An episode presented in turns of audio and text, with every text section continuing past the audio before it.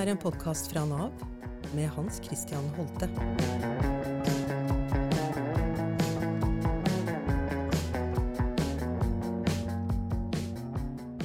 Hei, dette er Nav-direktør Hans Christian Holte. I dag skal vi snakke om det å være fattig i Norge i dag. Det siste halve året er det stadig flere mennesker som har kjent på nettopp det å ikke få endene til å møtes. Det skyldes bl.a. krigen i Ukraina, det skyldes eh, veldig høye energipriser, og det skyldes matvarepriser og inflasjon. Med oss til å snakke om dette temaet, så har vi for det første her i studio Tone Fløtten, som er daglig leder i forskningsstiftelsen Fafo. Og så har vi med oss fra Kristiansand Kajsa Hansen Sukov. Hun har skrevet bok om det å være fattig. Hun har også laget film, og hun er i dag fritidsleder i Kristiansand kommune.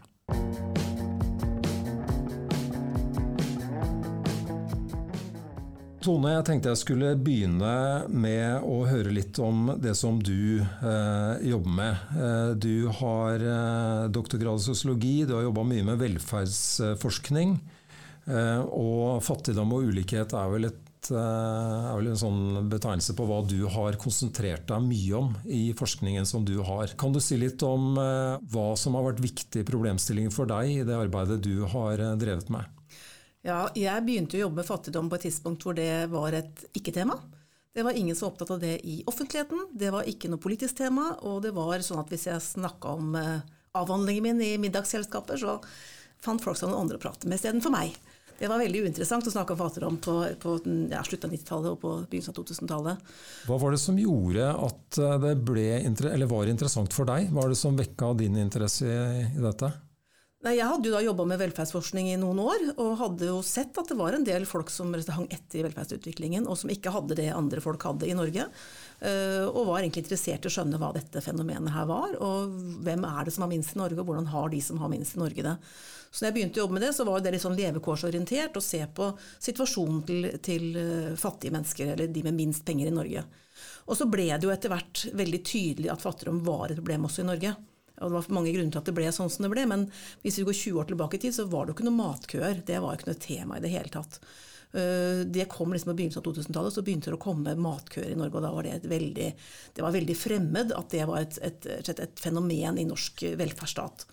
Og så har vi jo hatt den utviklingen nå da, med de siste to tiårene, og det som har skjedd siste året med at det er det er hundrevis av mennesker i matkø hver eneste uke. Det er jo veldig, veldig, fremmed for oss at det er en sånn situasjon i Norge. Vi er vant til å tenke at det er noe som skjer i land med, med dårlige velferdsstater og med veldig dårlig økonomi generelt. Og vi gjorde en studie av matkøene faktisk for 20 år siden også, og da var det ganske annerledes enn det er i dag. Og, og, Vi skal komme litt tilbake til uh, en ganske sånn fersk uh, beskrivelse av hva situasjonen er i dag. Men før det, kan du si litt om den utviklingen som har vært i disse 20 åra. Altså har det, sånn som jeg oppfatter det, så har det altså vært en gradvis økning av uh, fattigdom i Norge. Er det en det har vært en gradvis økning av fattigdom, og det har vært en ganske sterk økning i andelen barn i fattige familier. Og det er det som har fått veldig oppmerksomhet, både politisk og, og, i offentligheten, at det er så mange barn som, som bor i familie med, med, det vi kaller vedvarende lavinntekt, som gjør at man da har lav inntekt i, minst tre år. Og det har økt fra 2-3% på slutten av 90-tallet til nesten 12% nå. Så det har vært en veldig kraftig økning i andelen fattige barn. Nå er det vanskelig å oppsummere forskningen som du har gjort på noen få minutter her, men hvis du skal si veldig kort eh, noe om årsakene eh, som eh, du og dere har sett når det gjelder denne utviklingen, hva vil du trekke fram da? Nei, da vil jeg trekke fram at det er en endring i befolkningssammensetningen. og Dels så er det uh, en økning i, i lavinntekt og, eller vedvarende lavinntekt hos eneforsørgerfamilier. De har fått stadig større problemer med å forsørge seg på, på, inntekten sin. Og så er det jo en veldig høy andel av innvandrer, uh, veldig innvandrerinnslag i den gruppa med fattige barn. Og Det kommer også da på at det, er, at det er større familier, og at det er færre som jobber. Og I noen innvandrergrupper så er det veldig lav sysselsetting, og særlig blant kvinner. Og da er det vanskelig, hvis man da har noen mer enn ett eller to barn, veldig vanskelig å, å klare å ha en inntekt som er over en fattigdomsgrense. Har dere også vært mye i kontakt med denne gruppa som, eh, som da vi kan si er fattige, som lever altså vedvarende lavinntekt, og hvordan de opplever situasjonen? Har det vært en del av det dere har sett på? Ja, Fafo har hatt mange prosjekter hvor vi har snakka med folk som lever i lavinntekt, og som har dårlige boforhold, og som ikke har arbeid, og som lever på ulike ytelser. Så det har vi gjort i mange, i mange prosjekter. Og klart Dette er en situasjon som, eh, som, er veldig krevende. Og så må vi huske at det er, det er Fattigdomsgruppa er også veldig sammensatt. så Når vi snakker om at det er 115 000 barn som lever i lavinntektsfamilier, så er ikke det 115 000 barn som har det akkurat likt. Noen bor i en familie hvor inntekten har vært lav ganske kort tid. Eh, hvor man kanskje hadde gode ressurser rundt seg, som gjør at man har noe å, eh, å rutte med selv om inntekten er lav i en periode. Noen kommer fra en familie som selv var fattig, eh, og får barn på nytt igjen i en fattigdomssituasjon, har lite ressurser rundt seg. De barna har en helt annen oppvekst og en helt annen eh, livssituasjon enn en andre barn igjen. Så det er stor variasjonsbredde, men mange sliter jo med å få hverdagen til å gå, gå rundt og få endene til å møtes, og sliter med helt vanlige ting som, som, for de som ikke er fattige, er en selvfølge. at man, Det er ikke vanskelig å, å, sende barna med på en skoletur, det er ikke vanskelig å få tak, eller kjøpe fritidsaktiviteter til barna sine, men for noen familier er det fryktelig vanskelig. Men altså, det, er, det gjelder ikke alle de fattige familiene, de har det ikke likt. Nei. Um, nok et litt stort uh, spørsmål til deg, Tone. og Det er hvordan har det norske velferdssamfunnet møtt denne utviklingen? Den tror jeg er blitt møtt med litt sånn 'dette kan da ikke være sant, dette må vel kanskje gå over snart'. Jeg tror det har vært litt holdningen at vi har jo en, vi har en fantastisk velferdsstat. Det må jeg jo si. Sammenlignet med alle andre land så er det helt strålende i Norge. Men vi har nok ikke vært helt forberedt på at vi har et eh, system som ikke ordentlig tar inn over seg at noen kommer ikke til å komme i jobb. Og i hvert fall ikke på mellomlang eller kort eller mellomlang sikt. Og at vi må finne et system som også gjør at de personene har et verdig liv. Det tror jeg ikke vi helt har innsett. Er det slik eh, i det bildet som dere ser, at stort sett er de som er eh, utenfor arbeidslivet som er i den gruppa med vedvarende lavinntekt? Ja, I all hovedsak er det det. Noen har en tilknytning til arbeidslivet. Det betyr at kanskje én i familien jobber kanskje heltid, men så skal den lønna brukes til å forsørge en annen voksen og kanskje tre eller fire eller fem barn. Da holder ofte ikke en lønn, for mange av de familiene her gjelder, de har jo lave inntekter. De har lave lønninger. Ellers eller så jobber bare kanskje en halv person i familien, eller en person jobber en halv stilling i familien. Da er det umulig å opprettholde en inntekt som er i, i nærheten av det levestandardsnivået vi har i Norge, hvor de fleste familier har ja, i snitt da, i barnefamiliene 1,7 som jobber, og i snitt 2,2 barn. Det er en helt annen situasjon enn å være 0,5 som jobber og ha kanskje fem barn. Så da blir inntektsnivået og fattigdomsgrensa deretter også. Og da er det vanskelig å komme over fattigdomsgrensa når det er få som jobber og det er mange å forsørge. Er det sånn at det å leve under denne fattigdomsgrensa eh, i Norge, går det an å si noe om eh, Nå skal vi snakke med Kajsa etter hvert, som har kjent dette på kroppen. Men går det an å si noe generelt om, eh, om hvor tøft det er å leve under denne fattigdomsgrensa? Det er klart at det er et stort mangfold her. Det er en stor variasjon. Eh, men eh, er dette en situasjon hvor du rett og slett eh, sliter med å få endene til å møtes, hvis du vil driste deg på å, bli litt kategorisk her? Altså, mange av de som lever under fattigdomsgrensa sliter voldsomt, og, og, de bruker fryktelig med energi på å skaffe seg helt vanlige hverdagsting. Som, som, du og jeg som jobber begge to, vi, vi, sliter ikke med å skaffe oss mat eller skaffe oss klær hvis vi trenger det. Så de bruker fryktelig mye energi på å rett klare det helt minimale. Uh, og Jeg tror det er, jeg har snakka med, med, fattige som sier at er, jeg, jeg, ønsker meg ikke noe luksusliv, men det å bare kunne slippe å lure hver eneste dag på hvordan det her skal gå, det, jeg, det hadde vært utrolig deilig å slippe. Så det, er, så det er mange som nok bruker all energien sin på å vite hvordan de skal få neste dag til å gå i hop. Og så har vi hatt et uh, siste halvår vil jeg si, hvor uh, det har vært en ganske sånn uh, ja, Rett og slett nesten en eksplosjon i oppmerksomheten i Norge når det gjelder det å være fattig. Eh, og det er jo knytta til eh, endringene i verden rundt oss. Det er knytta til krigen i Ukraina, det er knytta til eh, høye energipriser, inflasjon, en rentepolitikk som også er der for å få inflasjonen til å holde seg nede osv. Er det bildet som vi har sett i de siste månedene, at dette nå er mye mer alvorlig. Er det også en situasjon som bekreftes av den forskningen som dere gjør? Ja, det syns jeg absolutt at det er. Og det er klart at vi får ikke noe økning i fattigdomstallene av det som skjer nå. For det er inntekten som måles da. Og det vi ser nå, er at de som uh, går til dere i Nav, og som går til organisasjonene, det er folk som kanskje har hatt en inntekt litt over fattigdomsgrensen, men nå går det ikke lenger. For nå har inflasjonen vært 6% matvareprisen øker med over 10 uh, eh, Det er rett ikke mulig lenger da, hvis du har en knapp økonomi. Da er det, det er jo hundrelappene som teller, det er 50-lappene som teller. Så det er, det er ikke sånn at det er snakk om tusenvis av kroner ekstra. Det er snakk om bitte, bitte små endringer til før det faktisk vipper for de familiene som har minst å rutte med. Og det tror jeg er det vi ser nå. Det er, det er folk som hadde klart seg i en vanlig situasjon, men når det kommer to-tre sånne ting samtidig, økte matvarepriser, økte strømpriser, økte boliglånsrenter, da smeller det inn, og da går det ikke lenger. Og da må man gå til dere eller gå til organisasjonene.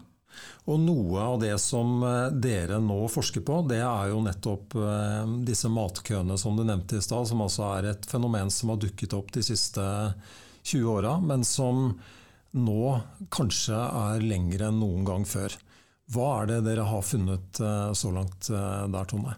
Nei, vi gjør et lite prosjekt for Frelsesarmeen og ser på deres, eh, deres matkøer i, i, tre norske byer. og det Vi ser da er at, altså vi, har ikke sett, vi har ikke noe førsituasjon her, så vi kan ikke si noe om økning. Men vi hører når, de, når, vi snakker med dem, så er det helt tydelig at dette har økt veldig mye uh, i høst. Eller særlig i høst. Men det vi ser er at det er veldig mange av de som står i matkøene som faktisk har barn. Og det ønsker vi jo ikke, at skal nødt, man skal være nødt til å gå i en, en, en matkø for å få, uh, få, mat i en barnefamilie. Det er også veldig mange som mottar en offentlig stønad. De er på sosialhjelp, eller de mottar uførestønad, arbeidsavklaringspenger, uh, en del på alderspensjon. Og så er det en liten andel av de som vi har, har talt opp nå da, i denne, det prosjektet her, som også har en viss arbeidstilknytning. Eh, veldig få, altså 10 som har en tilknytning, og, og de fleste av de har jobber innimellom.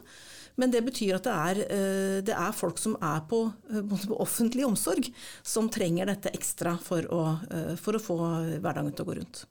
Så har det vært sagt at um, ukrainske flyktninger er en viktig del av uh, det bildet som nå er uh, knyttet til disse matkøene. Er det bekreftet i den, uh, de studiene dere har gjort?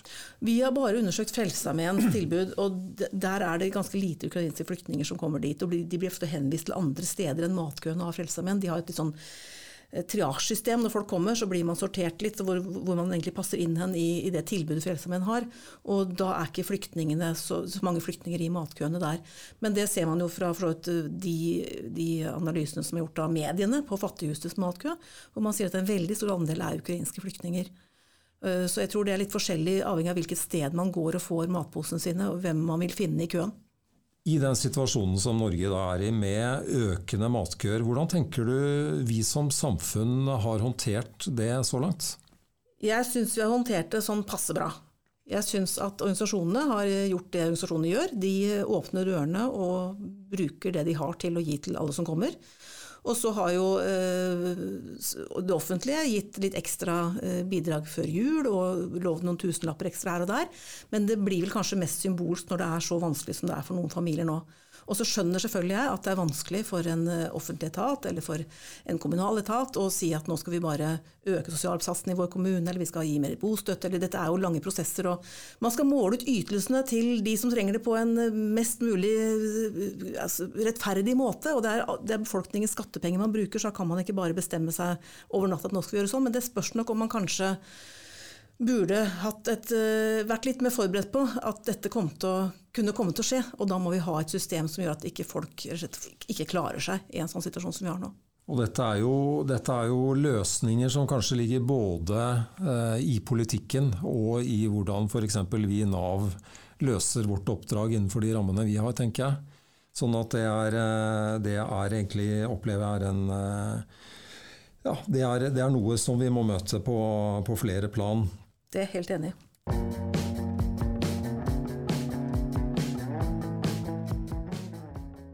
Da tenker jeg at jeg gjerne vil få snakka mer med vår andre gjest i dag, nemlig Kajsa Hansen Sukov. Eh, Kajsa, du har selv eh, opplevd eh, på kroppen det å være fattig i ulike deler av livet. Eh, hvordan mm. er det du opplever eh, det bildet som eh, Tone forteller om her? Jeg kjenner meg igjen i mye av det Tone sier. Eh, kanskje spesielt det med tidlig forskninga hennes og tidlig arbeidet hennes. At folk mente at det kan da ikke stemme, på en måte. Eh, jeg opplever at vi finner veldig mange årsaker som er selvforskyldte til hvorfor fattigdom eksisterer i Norge. Eh, at det er vanskeligheter med budsjett, eller at det er overforbruk og andre ting da, eh, som gjør at eh, folk liksom havner i fattigdom. Det kjenner jeg meg veldig igjen i, og det var òg en av hovedårsakene til at jeg ikke turte å snakke offentlig om mine erfaringer tidligere. Jeg, også jeg gleder meg veldig til å lese den rapporten om hvem de i matkøene er. For jeg vet bare i lille Kristiansand så var jeg innom den organisasjonen jeg henta mat hos.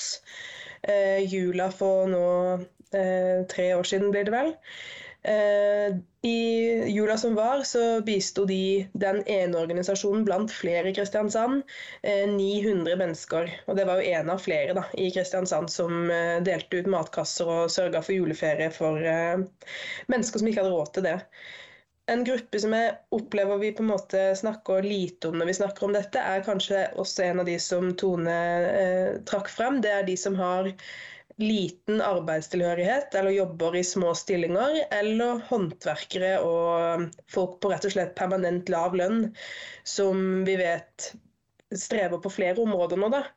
Leiemarkedet har eksplodert og blitt kjempedyrt. Strømmen er kjempedyr, og det vil være veldig vanskelig for mange av de å få en permanent tilknytning til boligmarkedet. Det er jo sånn i Norge at vi, det lønner seg å eie. Og det er standarden vi har. Vi er vel 80% av voksne i landet vårt som eier sin egen bolig. Mens de som står utenfor, da, de vet vi jo at uh, vi får liten mulighet til å komme inn.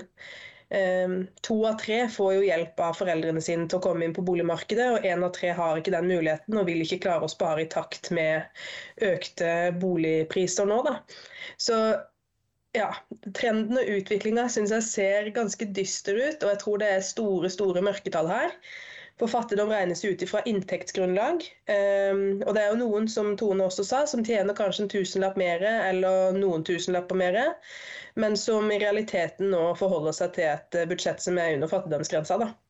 Som vi ikke kan telle og måle på samme måte som, som de 500 000 vi på en måte vet at lever under EUs eh, måte å beregne fattigdom på. da. Så det er store mørketall her, eh, tror jeg. Og jeg kjenner mange som er berørt av dette nå. Du Kajsa, du har jo virkelig vært en eh, tydelig stemme på vegne av mange av de som, har, eh, som sliter i dag, og som har slitt på bakgrunn av at de har vært fattige opplevd fattigdom i, i Norge. og du du um, beskriver dette i boka di 'Oss mot verden', som uh, jeg har hatt gleden av å lese en god del av allerede, og gleder meg til å, fullføre uh, snart. Og du har laga en film. Um, og du har jo sånn sett uh, trosset den, den, skammen som du beskriver, eh, knytta til det. å stå fram og fortelle om hvordan situasjonen din egentlig er, kanskje i en i et samfunn som har noen fordommer og, og, og, tanker om dette med fattigdom som ikke stemmer eh, skikkelig med mm. virkeligheten. Kan ikke du ta oss med litt tilbake til eh, Arendal sånn eh, 80-90-tallet, da du vokste opp eh, og begynte å skjønne at, eh, hva fattigdom var for noe? Ja, jeg er født i 1991, så i tråd med det Tone fortalte i stad, så var det på et tidspunkt i Norge vi snakka veldig lite om fattigdom. Jeg vokste opp med mammaen min, eh, for pappaen min døde da jeg var fire år. Så jeg hadde en Ja, mamma var alenemor for meg. Jeg var heldig sånn sett og vokste opp i et strøk i Arendal som har ganske stort mangfold.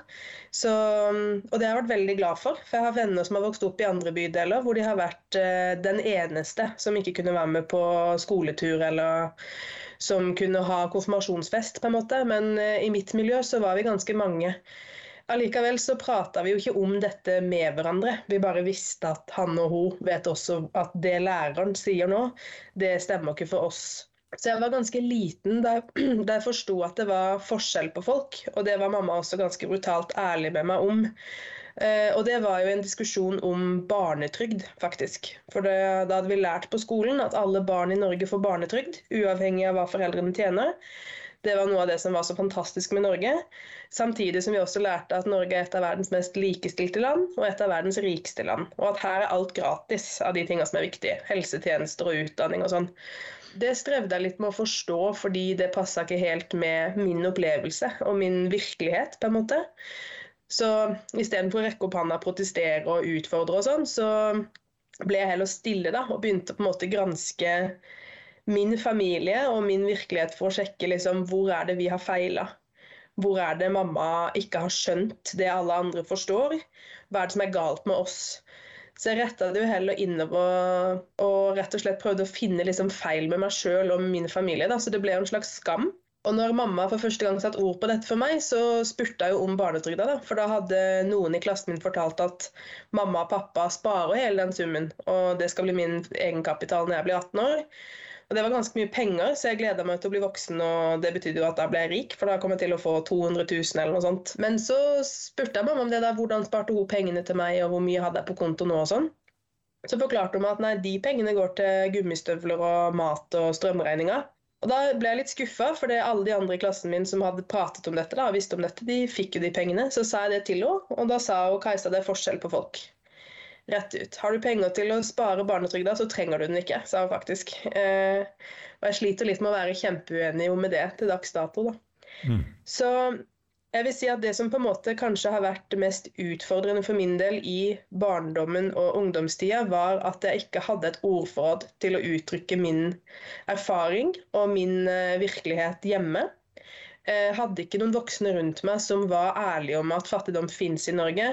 Man har ikke gjort nødvendigvis noe galt eller feila som menneske for å være berørt av fattigdom. Det er mange grunner til det. Og som Tone også sa, det er ikke en homogen gruppe. Vi har ulike utfordringer, samtidig som vi har ulike kvaliteter. Eh, og det skulle jeg ønske jeg lærte tidligere. For det har gjort Det hadde kanskje skapt, eh, ikke skapt så stort sånn utenforskap som jeg har kjent på i retrospekt så ser jeg jo at eh, det er det jeg har opplevd, uten at det var det ordet jeg brukte for det da. Når var det du, du fikk på en måte trygghet og styrke nok da, til, å, til å kjenne at ja, dette kan jeg faktisk eh, fortelle om, dette er greit å vise, vise verden? Mm. Det var um, når jeg for første gang i livet kom litt ovenpå. Det er, også, det er vel to og et halvt år siden nå. Da hadde jeg og kjæresten min, eller mannen min, som ikke blir helt vant til å si, eh, vi hadde brukt nesten to år på å betale ned eh, et etterslep av regninger som hadde gått til inkasso.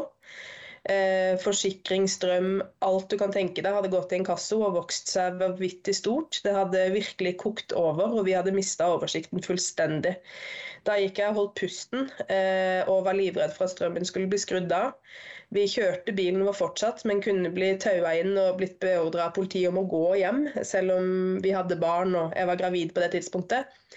Da starta vi en snuoperasjon som starta med en matkasse som frigjorde halve desemberlønna, som gjorde at vi kunne frigjøre noen penger til å starte en nedbetalingsplan. I tillegg så tok vi på oss absolutt alle strøjobber du kan tenke deg. Alt fra nakenmodell for en tegnegruppe til å fjerne asbestkledning og gå tur med hunder, liksom og brukte alle tider av døgnet på å tjene ekstra penger. Og halvannet år etterpå så var vi på null. Det hadde da brukt uh, hele voksenlivet mitt på å pushe unna, betale, holde takt med og bryte avtaler i perioder for å så prøve å starte det igjen. Og det var rett og slett uh, ubetalte regninger jeg hadde slet med meg fra jeg var 18 år. Satt vi oss et vanvittig hårete mål den gangen om å klare å spare opp en bufferkonto for å prøve å få sove litt bedre om natta. Og når det hadde gått en stund, da hadde vi samla pantepenger og trumfbelønningspenger og ja, smått og stort, så hadde vi en bufferkonto på 10 000. Og da kjente jeg meg styrtrik og klar. For uansett hva som skjedde da, så kunne jeg kjøpe en ny vaskemaskin om den røyk. Jeg hadde råd til å gå til tannlegen hvis jeg fikk verk, osv. Og, og da kjente jeg liksom Dette har tatt meg 22 år å få til. Nei, 12 år da, eller noe sånt å få til det fins norske fordommer om at, lat, at, fattige mennesker er late og litt dumme og må klippe håret og få seg en jobb. Eller at vi er dårlige på budsjett og egentlig skulle vært med på Luksusfellen på TV3. Og det kjente jeg ikke klarte å identifisere meg med. Jeg klarte heller ikke å identifisere meg med den offerrollen og den stakkarslige fattige som er dum og lat. Så jeg hadde lyst til å utfordre den tanken da, og vise innenfor ett av disse hjemmene i Norge hvordan den fattigdommen ser ut og hva den betyr. Så da lagde jeg den filmen eh, som kom ut i ja, sommeren 20, eh, etter sitatet til Erna Solberg ett år etter pandemi pandemien. Eh, hvor hun hadde et intervju med en NRK-journalist som spurte henne hva tenker du om de familiene som ikke har råd til mat og klær, som ikke har råd til regningene sine, og som må spare hver eneste krone de, eh, de tjener. Og til det så svarte hun så jeg spørsmålet hadde de egentlig råd til det før òg. Og det ble tittelen på filmen min, da. I filmen så får man jo se en del av det som jeg også har skrevet litt om i boka. I boka kommer man litt tettere på. Hvor jeg bl.a. må håndtere min egen tannverk på badet. Og jeg må dumpsterdive, altså rote i søppelkasser for å få tak i mat. Og også en situasjon hvor jeg er på Nav og har søkt nødhjelp og blir fulgt gjennom hele butikken mens dattera mi da satt i vogn. Og jeg ble fortalt gjentatte ganger, selv om jeg ikke hadde ytra noe ønske om det, at jeg ikke kunne kjøpe rusmidler på nødhjelp. Og så kunne jo selvfølgelig ikke da den eh, som satt i kassa på Nav eh, håndtere en rekvisisjon, så det ble lang kø og veldig pinlig. Jeg var veldig redd for at noen foreldre fra barnehagen til dattera mi f.eks., eller en nabo eller noe skulle stå i den køen. Det er det mest ydmykende punktet i livet mitt. Som også la grunnlaget for at jeg heller gikk og henta en kasse med mat hos en hjelpeorganisasjon, fremfor å søke nødhjelp hos Nav, da, når jeg egentlig trengte det. Jeg syns vi, vi, kan komme litt tilbake til eh, Nav, det, det, det er jeg absolutt interessert i. Eh, men jeg har lyst til å si at den beskrivelsen du gir der, gir der og også Eh, det du skriver i boka di, det, det syns jeg Bare høre om du, er, eh, om du er enig i det, men jeg syns det viser veldig tydelig at du Altså det krever et overskudd og en kreativitet å klare seg som fattig i Norge. Altså at det er en Er det sånn du mm. også ser på det? Absolutt. Eh, helt enig i den eh, beskrivelsen. Det føles som et sånt overskuddsprosjekt, og det er jo noe man aldri har når man er fattig. Så man må finne frem noen urkrefter eller et eller annet eh, overlevelsesmodus da, som gir veldig mye adrenalin, men det er det det handler om. Man må være veldig kreativ og eh, street smart, rett og slett, for å få det til å funke. da. Og du sier jo da i avslutningskapitlet ditt så sier du at eh noe av det du er eh, redd for, er at eh, f.eks. vi i Nav skal glemme hvilken ekstra utfordring det er å leve i akutt beredskapsmodus over mange år. Hvilken tåke av angst og uro det legger i hodet ditt. Da blir de ekstra mm. skjemaene utover de du allerede fyller ut, som du også må finne fram til på egen hånd, en ytterligere belastning.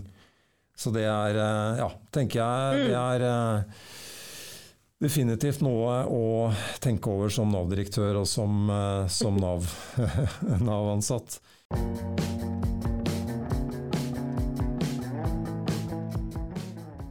Tone, eh, har du noen sånne umiddelbare refleksjoner når du hører på Kajsa her? Nei, jeg syns Kajsa beskriver veldig eh, godt, og egentlig også veldig vondt, hvordan det er å vokse opp eh, og ha et, en stor del av voksenlivet sitt også som, som hittil. Du er, du er, ung ennå, men det blir mange fine år. Men eh, en stor del av livet sitt som, som å måtte slite sånn med, å, med, økonomien. At det høres utrolig krevende ut. Så tror jeg altså det, det Kajsa forteller om det møtet med Nav, altså hvis vi skal gå dit, da, så, så tror jeg det er mange som kjenner akkurat det. Eh, og at litt av grunnen til at vi ser denne eh, voldsomme økningen på disse fattige eh, matutdelingskøene, er jo at man der møter en, man møter, blir møtt på en annen måte. Og så er det jo heller ikke, som jeg sa i stad, vanskelig å skjønne at Nav har Nav har ett mandat og, og skal forvalte ett sett av ressurser og verdier på fellesskapets vegne, mens organisasjonene har en, en annen type mandat og, og gjør noe annet. Men jeg tror nok at, at veldig mange opplever det så mye lettere paradoksalt i, i norsk velferdsstat å gå til Frelsesarmeen eller Fattighuset framfor å gå til Nav. Fordi man ikke mm. blir målt og veid, må fylle skjemaer og må gjøre rede for seg på en måte. Så jeg eh, har ikke problemer med å skjønne at man må gjøre det, men, men, man kanskje kan se på hvordan skal man gjøre det når folk kommer igjen gjentatte ganger, så man slipper å for hver eh, ekstra lille ting man skal ha, kanskje måtte gå gjennom en sånn type mølle som for mange oppleves som veldig krevende.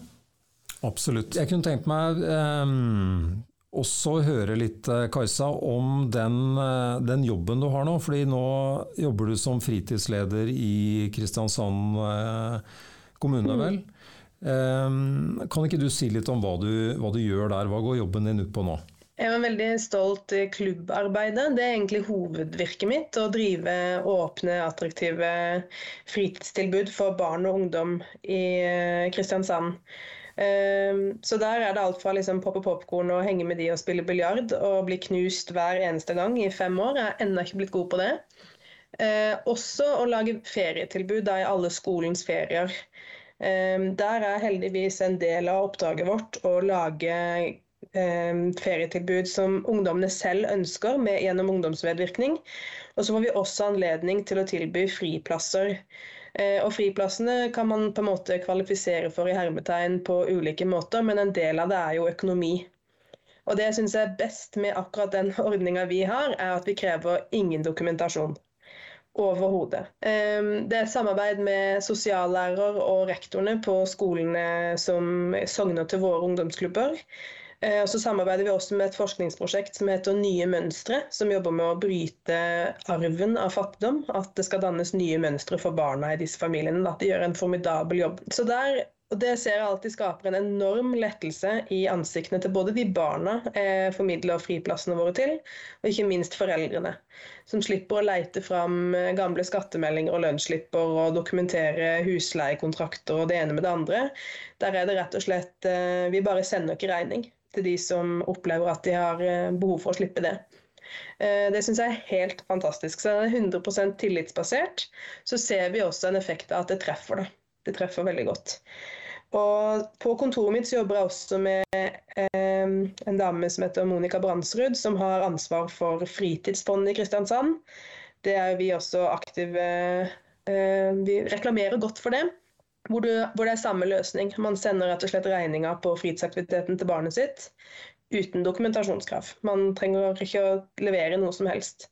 Så um, jeg er veldig glad for at jeg bor i en kommune som uh, ønsker å gjøre noe med dette, spesielt for barn og ungdom.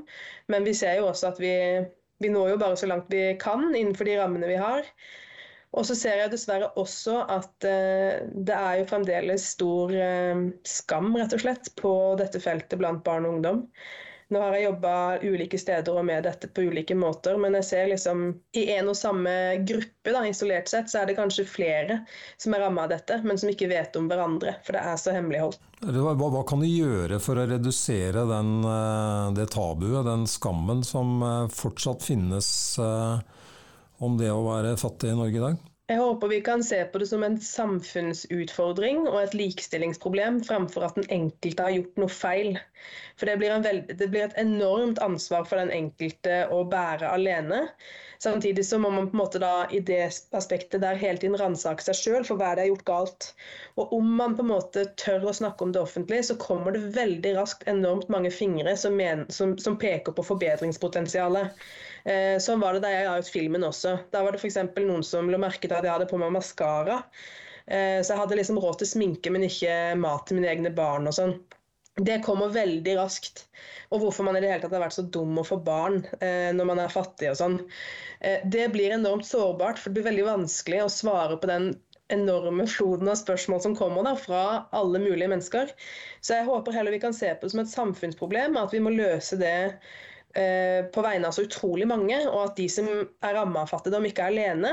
Og så må vi jo tørre å sette ord på det. Vi bruker jo veldig mange vanskelige akademiske ord på å snakke oss vekk for, i, i, fare for det, for jeg er så redd for å tråkke på folk og krenke folk. Men jeg er veldig fan av å bruke ordet fattig. Og jeg er veldig fan av å bruke sult istedenfor at en mor hopper over et måltid, for det er faktisk sult i et av verdens rikeste land. Um, og det tror jeg også kan skape mer tillit blant de menneskene som er ramma av dette. For da speiler vi faktisk deres virkelighet fremfor å gjemme oss bak akademisk stammespråk, da, som jeg opplever skjer veldig raskt når vi snakker om dette. Spesielt politikere, kanskje. Hva tenker du, Tone? Og hva kan vi gjøre for å egentlig sette mer ord på det som skjer? Jeg syns det har blitt en veldig økt oppmerksomhet om dette problemet. Eh, og det har vel ikke vært en avis i høst som ikke nesten daglig har hatt et bilde fra en, fattig, en matkø og har snakka om hvor vanskelig den dyrtida her er for de som har minst. Eh, men dette er jo et tema som vi ikke Det er ikke så lett å gjøre noe med det. Hadde det vært lett å fjerne fattigdom i Norge, så hadde det vært gjort for lenge siden. Så dette er opplagt noe som det er komplisert å gjøre. Eh, og det er for at det er mange forhold som, som spiller sammen. Og vi ønsker å ha et, et balansert system på alle mulige måter. Og vi har jo Vi har lykkes bedre enn mange andre land med å ha lite fattigdom. Det må man også huske. Vi har, vi har gjort ganske mye riktig for å få til det.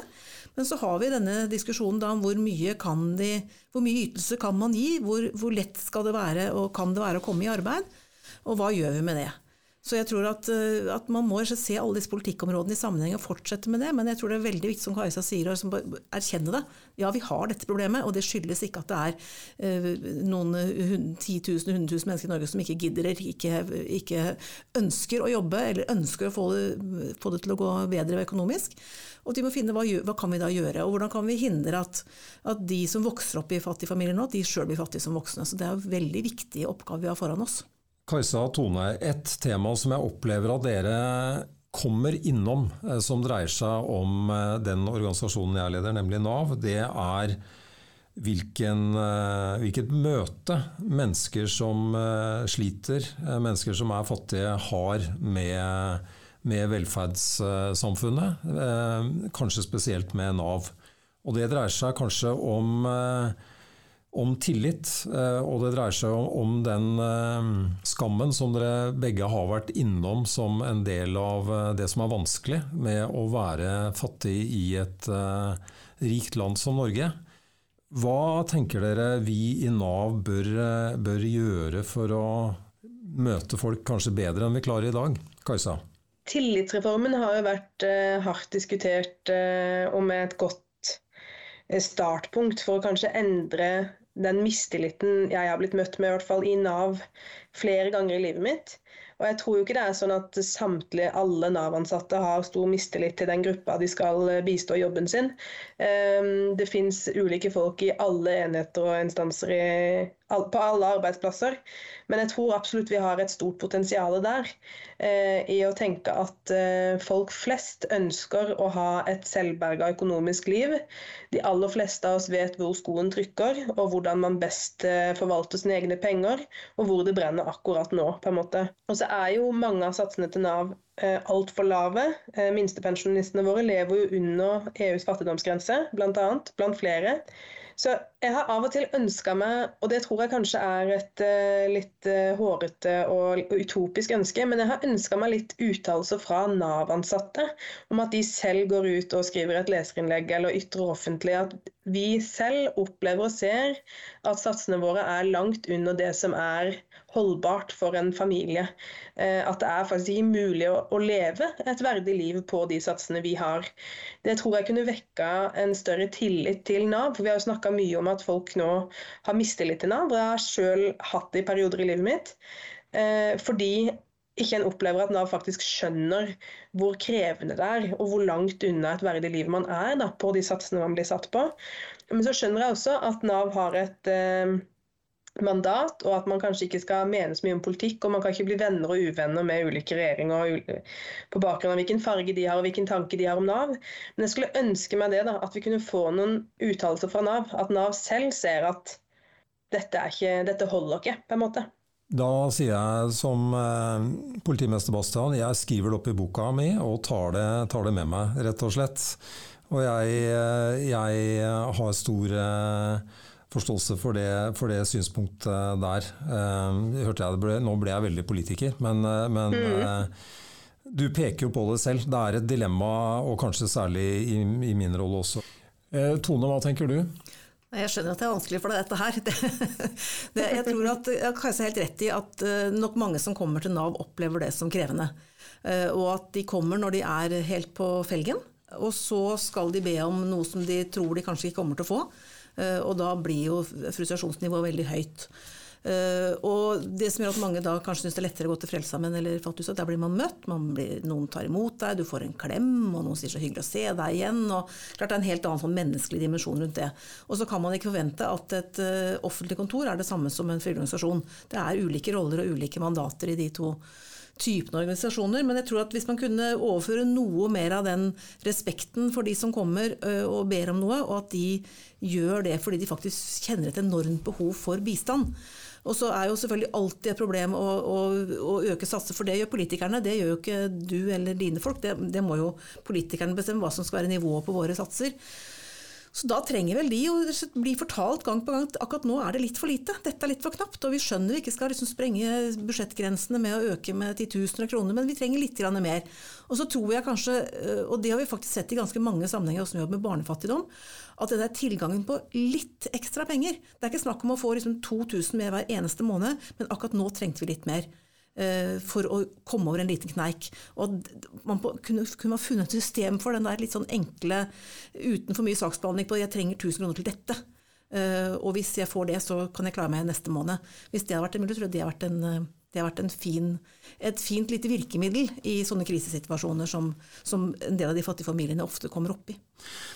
Så noe av dette dreier seg jo åpenbart om, om politikk og hvilket nivå ytelsene våre skal være på, og hvor hvor jeg, uten eh, at jeg går inn i den diskusjonen, i hvert fall registrerer at det er en diskusjon om, om hva arbeidslinja i, i, Norge skal bety, eh, som har kommet opp nå i disse dager, knyttet til noe av det vi snakker om. Eh, og så tenker jeg at eh, dere peker på viktigheten av hvordan man blir eh, møtt eh, av velferdsstaten, hvordan man blir møtt av Nav. Og det dreier seg om flere forhold, tenker jeg. Det dreier seg både om egentlig litt sånn grunnleggende holdninger og menneskesyn, nærmest, på, som er knytta til, eh, til, eh, hvordan man ser det mennesket som står eh, foran en til enhver tid, og den situasjonen vedkommende er i. Og det er knytta til respekt, språk, men også hvor gode vi er til å trygge folk i den situasjonen de er, når det gjelder hva slags type hjelp vi kan gi, eh, og hvordan det ligger en forutsigbarhet der, eh, som jeg tror vi kanskje ofte, og for ofte, sliter med. Hvis dere skal avslutte denne, denne praten om et uh, viktig tema i Norge i dag med et uh, sånt eh, konkret råd til meg og Nav om hva er det aller viktigste hvis dere satt i, i mine sko i denne situasjonen? Hva, hva, er det viktig at vi i Nav eh, eh, er opptatt av og jobber for i den situasjonen med fattigdom i Norge som, som, vi ser nå? Tone? Hvis vi ser bort fra at, at, du kan ikke bestemme ytelsesstørrelsene, det da fritar fri, fri deg fra den beslutningen, så tror jeg det er møtene. Uh, og, og, klare å lage de møtene respektfulle og verdige for de som kommer, fordi de er ofte veldig kjørt når de kommer for å be om ekstramidler fra Nav. Så gjøre de møtene så, så gode som mulig tror jeg vil være godt for de som kommer. Jeg er helt hjertens enig med Tone. Uh, Nav-ansatte kan jo ikke løse denne utfordringa fra sine individuelle kontorer, men det ligger en enorm kapasitet og liksom et enormt potensial i de møtene. Um, nå har jeg vært en sånn dame som har blitt um, Jeg har fått beskjed på Nav-kontor to ganger i mitt liv at hvis ikke du roer deg ned nå, så må vi ringe Securitas-vaktene. Eh, det er ganske langt fra der jeg sitter i dag, og grunnen til det er fordi at jeg har anledning til å snakke med innestemme nå. Jeg er ikke i panikk og fight, flight, escape mode 24 timer i døgnet hele tiden lenger. Og så Bakteppet for begge de to opplevelsene var jo at jeg var helt fullstendig desperat. Så jeg har ofte ønska meg at de jeg har møtt på Nav, kan anerkjenne hvilken krevende situasjon jeg står i, tørre å sette ord på det, anerkjenne det. Og bare ved det så har jeg større tillit til den jeg prater med, og har større også forståelse for at vedkommende ikke kan løse alt ved å trykke på datamaskinen sin, på en måte. Og kanskje ikke det finnes riktig dokument jeg og hun skal sette oss ned og fylle ut sammen, men bare ved å bli anerkjent og sett, så er mye gjort allerede der. Og det handler jo om respekt, da, egentlig. Tusen takk for eh, gode råd, eh, Kajsa og Tone. Det tar jeg med meg. Det har vært eh, en prat hvor jeg har blitt litt klokere når det gjelder den situasjonen som er i Norge i dag, med mange mennesker som kjenner på fattigdom. Så jeg vil takke dere begge. både Kajsa Hansen Sukhov, forfatter, filmskaper og fritidsleder. og også Tone Fløtten, eh, daglig leder i Fafo. Lykke til videre begge to, og tusen takk for eh, en spennende prat.